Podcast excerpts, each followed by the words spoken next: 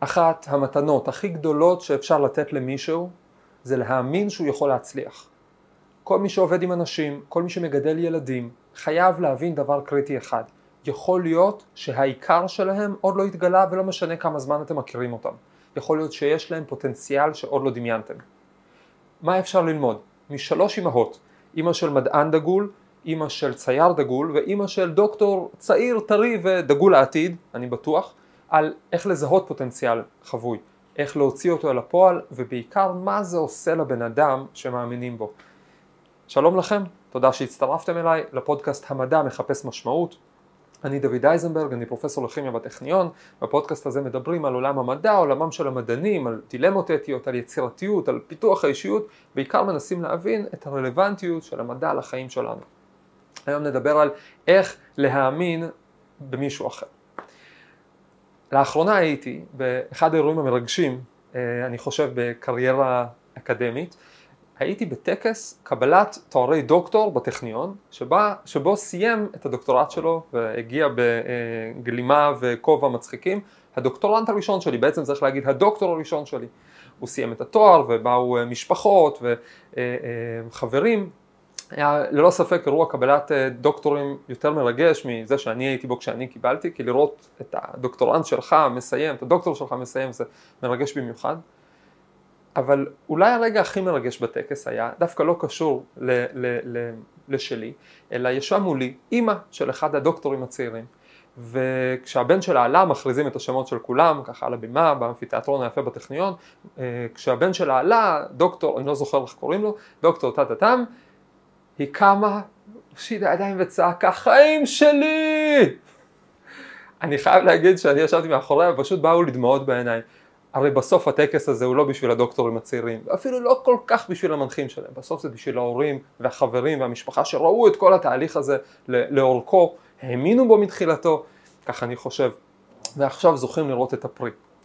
באמת שהצעקה של האימא הזאת, שאני לא יודע איך קוראים לה, אה, גרמה לי לחשוב על העניין הזה של זיהוי פוטנציאל.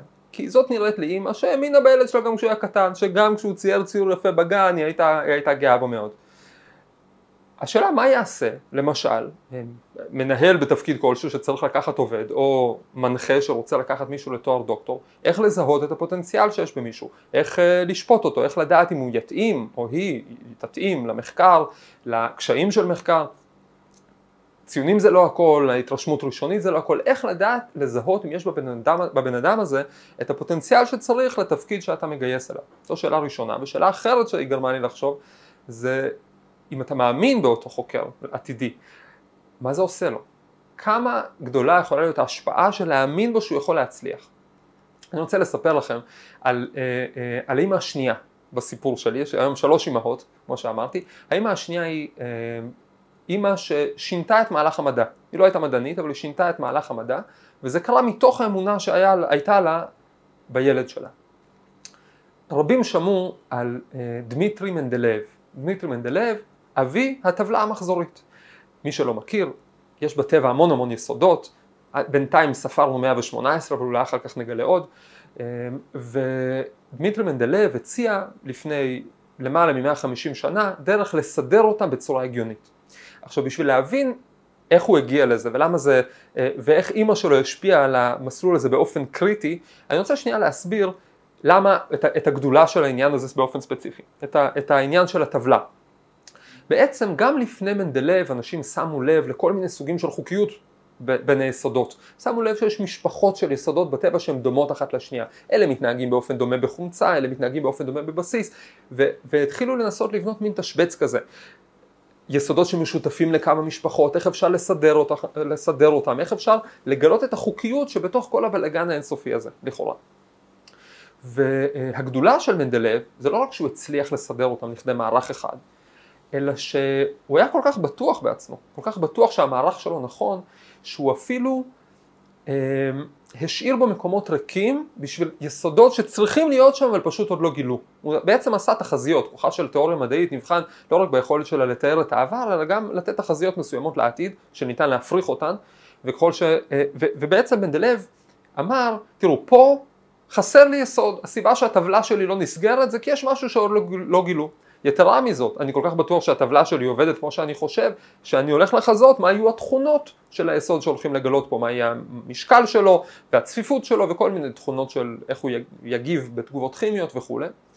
ובאמת בהתחלה לא כזה שמו לב למנדלייב, זאת אומרת ראו את התגלית שלו, היו עוד תגליות מהסוג הזה בזמנו ואפילו קצת לפני, אבל הפריצה הגדולה שלו הייתה כשמישהו בעצם אה, אה, גילה את היסוד החסר בטבלה שלו, אה, בעצם אה, קראו לו, אה, זה המדען צרפתי, קראו לו פול אמיל לקוק דה בואבודרן, אני מקווה שאני אומר את זה נכון, והמדען הצרפתי הזה גילה את היסוד החסר, ישר היה רעש גדול, מנדלייב חזה, חזה את היסוד החסר, איזה יופי, הטבלה שלו נכונה, אבל קרה פה משהו יותר מזה. פול אמיל הזה, עם השם משפחה הארוך, אמר שבאמת התכונות שמנדלייב חזה ליסוד הזה נכונות, חוץ מאחת. באחת התכונות הוא טעה וחישב ערך שהוא, צפה ערך שהוא בעצם חצי או כפול מהערך האמיתי. הוא כתב על זה למנדלייב, פרופסור מנדלייב, כל הכבוד לכם, טבלה יפה, אבל יש רק טעות אחת בתחזית. מנדלייב, בביטחון עצמי, שקשה לשער, כתב לו בחזרה, פרופסור אה, אה, לקוק אה, בואבודרן היקר, סליחה אבל אתה טועה, כנראה שמדדת לא נכון, התחזית שלי נכונה. והמדען הצרפתי הלך ובלע את הגאווה ומדד עוד פעם והסתבר שמנדלייב צדק. הסתבר שהוא באמת מדד לא נכון ובאמת התחזית של מנדלייב הייתה נכונה וזה נתן אישור עצום לטבלה של מנדלייב ומאז אנחנו משתמשים בה, היא לא נראית בדיוק אותו דבר אבל בה אנחנו משתמשים. מאיפה היה לו את הביטחון הזה למנדלייב לבוא ולהגיד למישהו אחר לא התחזית שלי נכונה ואתה מדדת לא נכון נכון שיש לפעמים מדענים יהירים במיוחד, אבל אני חושב שזה הביטחון של מישהו שיודע שיש לו משהו אמיתי בידיים, ואני חושב, זו תיאוריה שלי, שהביטחון שלו מגיע מגיל 15. מה קרה למנדלייב בגיל 15? למעשה מנדלייב גדל בקצה הדי רחוק של סיביר, בעיר טובולסק, והוא גדל במשפחה אה, אה, שאפילו לא בדיוק ידוע כמה, אבל כנראה שאימא שלו ילדה בין 14 ל-17 פעמים, רבים מהילדים לא עלינו לא שרדו, כמו באותם ימים, ממחלות, עדיין היה לה הרבה ילדים אה, שהיו בבית, כנראה שמשהו כמו עשרה, וכשדמיטרי הקטן, דמיטרי מנדלייב הקטן היה בן 12, אביו, שוב לא עלינו, נפטר ואימא שלו נשארה לבד עם הילדים ועם המפעל שהיה להם מפעל זכוכית באיזושהי עיירה. ואימא שלו לקחה על עצמה את ניהול המפעל, הייתה אישה חזקה. ואחרי שנה שנתיים גם המפעל נשרף ונשארה בכלל בלי כלום ושום דבר. כל הזמן הזה אימא שלו, אה, אה, קראו לה מריה דמיטריבנה מנדלייבה, אימא שלו לימדה את דמיטרי הקטן בבית והיא זיהתה שיש לו יכולות מתמטיות, יש לו יכולות מדעיות ושהוא ילד סקרן ובשלב הזה, כשלכאורה החיים שלה די קרסו, אלמנה, ילדים, אה, אה, בלי מקור פרנסה, היא עשתה את אחד המעשים הגדולים בתולדות המדע למעשה. היא לקחה את דמיטרי, שהיה בן 15, היא לקחה את אחותו הקצת יותר גדולה, אליזבטה, והם יצאו למסע של 2,200 קילומטר למוסקבה כדי לרשום את דמיטרי לאוניברסיטה. כי החליטו שהנער הזה, אסור שהוא יתבזבז פה, יש לו פוטנציאל, יש לו יכולות, ואני לוקחת אותו לאוניברסיטה. מסע של 2,200 קילומטר דרך סיביר, דרך רוסיה, דרך הערבות, אה, כרכרות, מזחלות, סוסים, אחרי 2,200 קילומטר הם מגיעים, זה כנראה לקח משהו כמו חודש בזמנו, הם מגיעים למוסקבה, ובמוסקבה מסרבים לרשום את דמיטרי מנדלייב לאוניברסיטה, כי הוא לא ממוסקבה ויש להם כללים שם, אי אפשר ככה סתם. אמא שלו אומרת אין בעיה, שוב עולים על הסוסים, עוד 700 קילומטר לכיוון צפון מערב לפטרבורג, סן פטרבורג, וגם שם לא מיד מצליחים, אבל בסוף אימא שלו מצליחה לרשום את דמיטרי לאוניברסיטה, וכמו שאומרים השאר היסטוריה, הוא מצטיין שם, מתאהב בלימודי הכימיה, היו שם כמה מקצועות, הוא התאהב דווקא בכימיה, אה, אה, אימא שלו נפטרה זמן לא רב לאחר מכן, גם אחותו, אבל, אבל הוא הולך ופורח ונהיה באמת מדען דגול. עכשיו תחשבו לרגע, מה המעשה של אימא שלו עשה לו? קודם כל, היא הביאה לו את ההשכלה. דבר שני, היא האמינה בו, אבל לא רק האמינה בו, האמינה בו ברמה של אמרה לו כל הכבוד דמיטרי אתה ממש חכם, אתה ממש יפה, ציור יפה ציירת בגן, היא האמינה בו ברמה שהיא שמה, היא, היא שמה את החיים שלו על המעשה הזה, על, על האמונה הזאת. היא uh, שמה את הכסף שלה והיא הימרה את כל, ה, כל מה שהיה לה ובשביל uh, uh, שהוא יוכל לקבל את ההשכלה שבאמת נתנה לו אחר כך uh, את היכולות במדע. ומה זה עשה לו עצמו. מעבר לזה שהיא האמינה בו, איך זה השפיע אחר כך על החיים שלו, איזה ביטחון זה נתן לו, שאימא שלו מאמינה בו ואימא שלו מוכנה להשקיע בו ואימא שלו מוכנה להמר עליו ו- וללכת על כל הקופה בשביל שהוא יצליח. אני בטוח שזה נתן לו כוחות ואני משער, זה, זה לא משהו שאפשר לבדוק בדיעבד, אני משער שזה היה אחד הדברים שנתנו לו כוח גם בהתמודדות הזאת, כשמישהו אומר שאתה טועה והוא אומר רגע, אני חושב שאני צודק, אני יודע שיש מאחוריי, אה, אה, אה, אני מרגיש אולי במבנה בסיסי של האישיות שמאמינים בי, אני הולך על זה, אני חושב שזה נכון. אז באמת אימא שלו, מריה דמיטריאבנה, נפטרה זמן, לא רב, אחרי שהוא, לא, לא רב אחרי שהוא התחיל ללמוד, אבל את אחד הספרים שלו הוא הקדיש לה. והוא כתב הקדשה מאוד יפה, אני רוצה לקרוא אותה, הוא כתב על הספר, אז ככה הוא הקדיש את הספר, הוא היה פרופסור מאוד ידוע, כתב עבודה זו מוקדשת לאימא, על ידי בנה הצעיר. היא הדריכה אותו, הוא מדבר על עצמו בהקדשה, היא הדריכה אותו מתוך דוגמה אישית, תיקנה אותו מתוך אהבה, וכדי להקדיש אותו למדע עזבה את סיביר במחיר משאביה וכוחותיה האחרונים. בשעת מותה היא ציוותה לו, ככה הוא כותב בהקדשה, היזהר מאשליות, התעקש על עבודה ולא על דיבורים, חפש בסבלנות את האמת האלוקית והמדעית בכל דבר. ככה היא כתבה, ככה הוא כתב עליה בהקדשה שלו. אין ספק שהאמונה של אימא שלו ביכולות שלו הייתה רכיב חשוב באישיות החזקה של מנדלייב עצמו. ולפני שאנחנו מגיעים לאימא השלישית, חייבים להדגיש פה דבר קריטי. בתור הורים, בתור מנהלים, בתור כל מי שעובד עם אנשים אחרים, לפעמים אנחנו מגיעים לעמדה של פסיקה, לעמדה של שיפוט, מי מתאים למשהו, מי לא מתאים, עמדה של אבחון, עם כמה ענווה צריך להגיע להחלטה כזאת. עם כמה הכרה בכובד המשקל של הרגע השיפוטי צריך להגיע להחלטה כזאת. אני מכיר מדענית אחת, מעולה, באוניברסיטה נחשבת בארץ, שאני אישית לומד ממנה הרבה, שהמנחה שלה לדוקטורט אמר לה בסוף הדוקטורט, תשמעי, אני חושב שאת לא מתאימה לאקדמיה, אני חושב שזה לא בשבילך. עכשיו, אני מאמין שזה היה שיקול הדעת האובייקטיבי שלו. אני מאמין אפילו, אני, אני, אני, אני רוצה להאמין ואני גם מאמין שהוא רצה בטובתה. הוא רצה להגיע למקום שיותר מתאים בשבילה. אבל קודם כל הוא טעה. הוא טעה, העובדות מוכיחות, היא היום מדענית פרופסורית מצליחה ביותר. ודבר שני, אני יודע מהיכרות אישית כמה סבל וצער ופגיעה הדבר הזה הסב לה לאורך הקריירה המוצלחת שלה. שהיא ידעה ש, שהוא לא מאמין שהיא יכולה להצליח, והוא ראה אותה עובדת, ועובדה שהיא יכולה. הרגע הזה שבו אנחנו אומרים למישהו שמשהו לא מתאים לו, לא מתאים לה, זה רגע קריטי, כי זאת עלולה להיות נבואה שמגשימה את עצמה. זה הרגע שבו צריך לגייס מקסימום ענווה, הרגע שבו צריך לגייס מקסימום עין טובה, להסתכל על הצד החיובי שלו, שלה.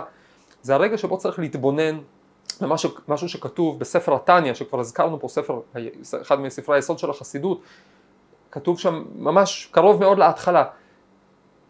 ונפש השנית בישראל היא חלק אלוקה ממעל ממש. יש לנו נפש שהיא חתיכת אלוקות, היא ניצוץ אלוקי, ניצוץ של אינסופיות בתוכנו.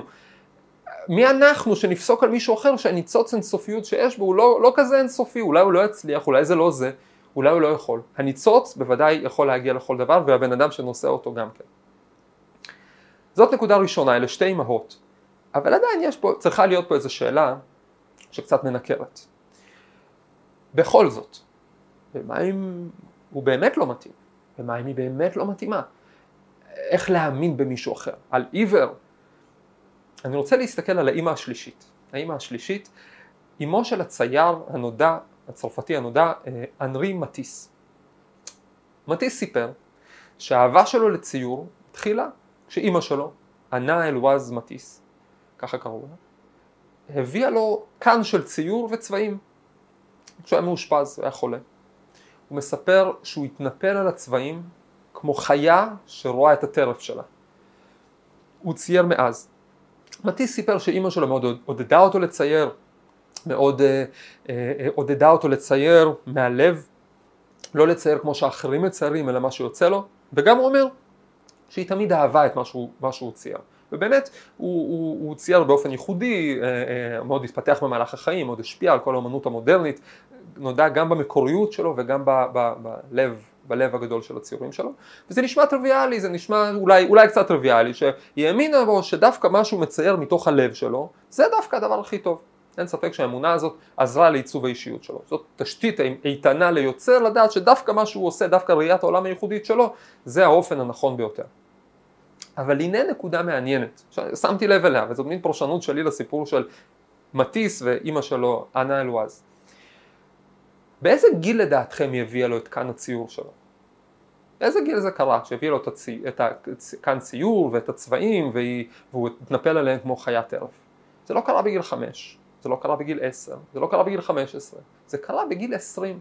הוא היה מאושפז עם אה, ניתוח אה, תוספתן, והאמת שלפני זה הוא אפילו כבר סיים תואר במשפטים ועבד כפקיד. אני בטוח שכשאימא שלו הביאה לו את הציוד אה, ציור בגיל 20, זאת לא הייתה הפעם הראשונה שהיא הביאה לו משהו. בשביל לבדוק אם הוא אהב את זה, בשביל לנסות לעניין אותו במשהו. יכול להיות שלאורך החיים שלו היא הביאה לו חמר בשביל לפסל, אה, יכול להיות שהיא הביאה לו ספרי הרפתקאות, ספרי חשבון, אולי הביאה לו כינור או גיטרה, יכול להיות שאימא שלו נתנה לו עוד דברים, כמו שהיה לו את לימודי המשפטים, אבל אף אחד מהדברים האלה לא הרגיש לו כמו טרף והוא לא הרגיש כמו חיה שהוא רוצה להתנפל עליה. יכול להיות שהדרך לזהות את הפוטנציאל של מישהו לא עוברת דרך כישורים של שופט, כישורים של אה, אה, בקר, מ, מ, אה, מבקר איכות או כישורים של מאבחן פסיכוטכני. יכול להיות שהדרך לזהות פוטנציאל של מישהו עוברת בכישורים של חקלאי, לזרוע זרעים מסוגים שונים, לראות מה, מה, מה, מה תופס, לראות מה נובט, מה שנובט לטפח על ידי אמונה בפוטנציאל של זה להגיע מאוד רחוק, אמונה בפוטנציאל שלו להפוך את העולם למקום יפה יותר.